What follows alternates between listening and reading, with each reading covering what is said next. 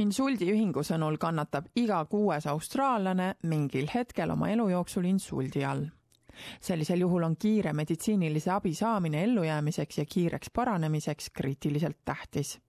patsiendid, kes on immigrandi taustaga, võivad olla õige abi leidmisel silmitsi raskustega kolmekümne nelja aastane viie lapse ema Cheryl Chin ei teadnud insuldist suurt midagi, kuni tal see endal peaaegu aasta tagasi tekkis I told my husband I was getting headache, just sitting down and taking Panadol, and then I needed fresh air. So I went outside, and then I started getting dizzy, and I remember falling to the ground. Everything was like a blur.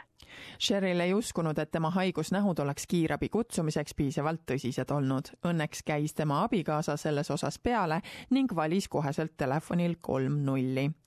Cheryl ei saanud rääkida ning ta kaotas oma kehast paremal pool liikuvuse. ta oleks peaaegu selle aasta maikuus toimunud omaenda pulmast nõnda ilma jäänud. I wanted to walk down the aisle and I thought even if I was in a wheelchair or someone had to help me, I was going to do it because they wanted me to cancel my wedding. And yeah, I was just determined to just to be able to do it. Sellest ajast peale on ta enamiku oma liikuvusest tagasi saanud ning ta saab isegi autoga sõita. It was motivation, I think. I set myself goals and I wrote all my goals down and it was just everyday life, doing things that I used to do before. insult on Austraalia üks suurimaid surmapõhjuseid ning juhtiv põhjus inimeste invaliidistumisel. Neuroloog doktor Bruce Campbell juhib insuldiühingu kliinilist nõukogu Most strokes are caused by a blocked blood vessel, so not enough blood getting to parts of the brain. Uh, a few are caused by a burst blood vessel where there's bleeding into the brain. And so when a blood vessel blocks or there's bleeding, that obviously injures that part of the brain. Whatever that area is normally responsible for would, would stop working. doktor Campbell ütleb, et erinevad riskitegurid võivad insulti põhjustada When you've got a blocked blood vessel, the reason that that clot has formed is usually uh, cholesterol plaque in the arteries, and that relates to all the usual cardiovascular risk factors like hypertension, high blood pressure, smoking, high cholesterol, diabetes, and then the lifestyle issues of obesity and poor diet. And there's also an irregular heart rhythm, which is called atrial fibrillation. It's basically one of the chambers of the heart flapping in the breeze, and uh, that allows blood to stagnate form a clot and then that clot can migrate up to the brain and cause a stroke. kahe tuhande neljateistkümnendal aastal insuldiühingu poolt läbi viidud uuring, mis keskendus poolele miljonile insuldi saanud austraallasele, leidis, et kaks kolmandikku insuldi läbi elanutest elavad nüüd puudega overall death after stroke would be 10 or 15 percent, but unfortunately, a lot of people are left with significant disability, so they might not be able to walk properly, talk properly, or they'll have memory and, and thinking problems, so they might not be able to drive or manage their finances or do other cognitive tasks.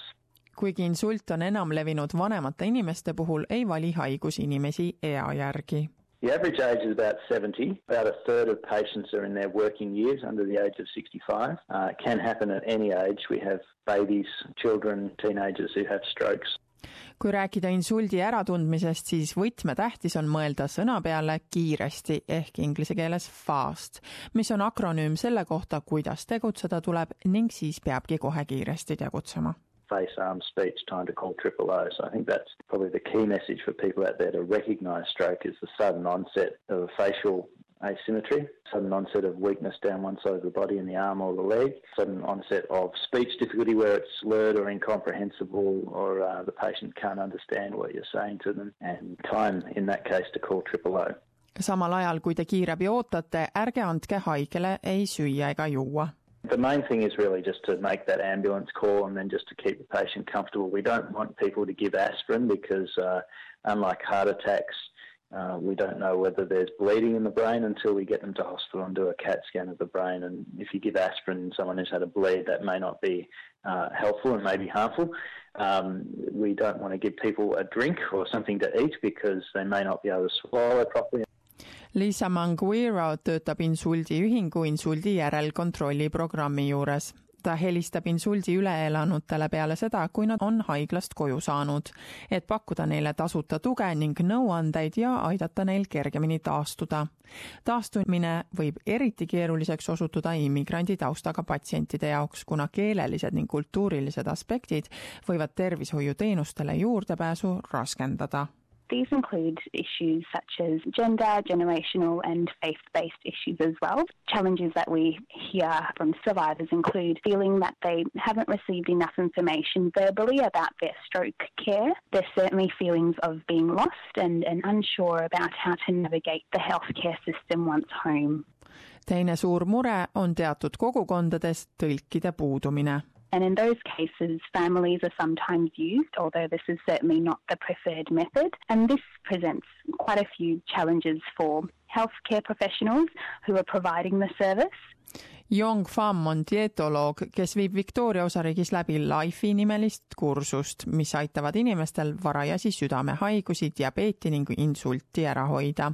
tema sõnul jõuavad immigrandid samade riskifaktoriteni, mis on ülejäänud austraallastel peale seda, kui nad lähevad üle kohalikule läänelikumale toidule their diet changes. So they move from a traditional diet to a more westernized diet, which is usually higher in um, processed foods, higher in takeaway, higher in fats, um, and that's the reason why their risk of stroke are definitely increased.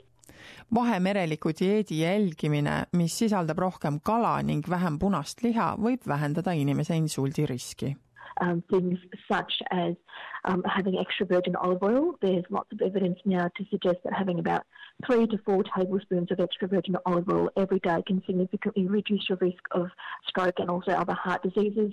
Having legumes and lentils on a regular basis. Having about a handful of nuts every day, also having more fibre in your diet can also significantly reduce your risk of getting stroke. tervisliku elustiili juurde kuulub ka regulaarne keskmise tugevusega kehaline liikumine the recommendation is 150 minutes per week, which is roughly about 30 minutes five days a week. Um, so moderate intensity exercise is when you're doing some sort of exercise that increases your heart rate a little bit. Um, you can talk, but you can't sing. rohkem infot insuldi kohta leiate koduleheküljelt www.strokefoundation.com.au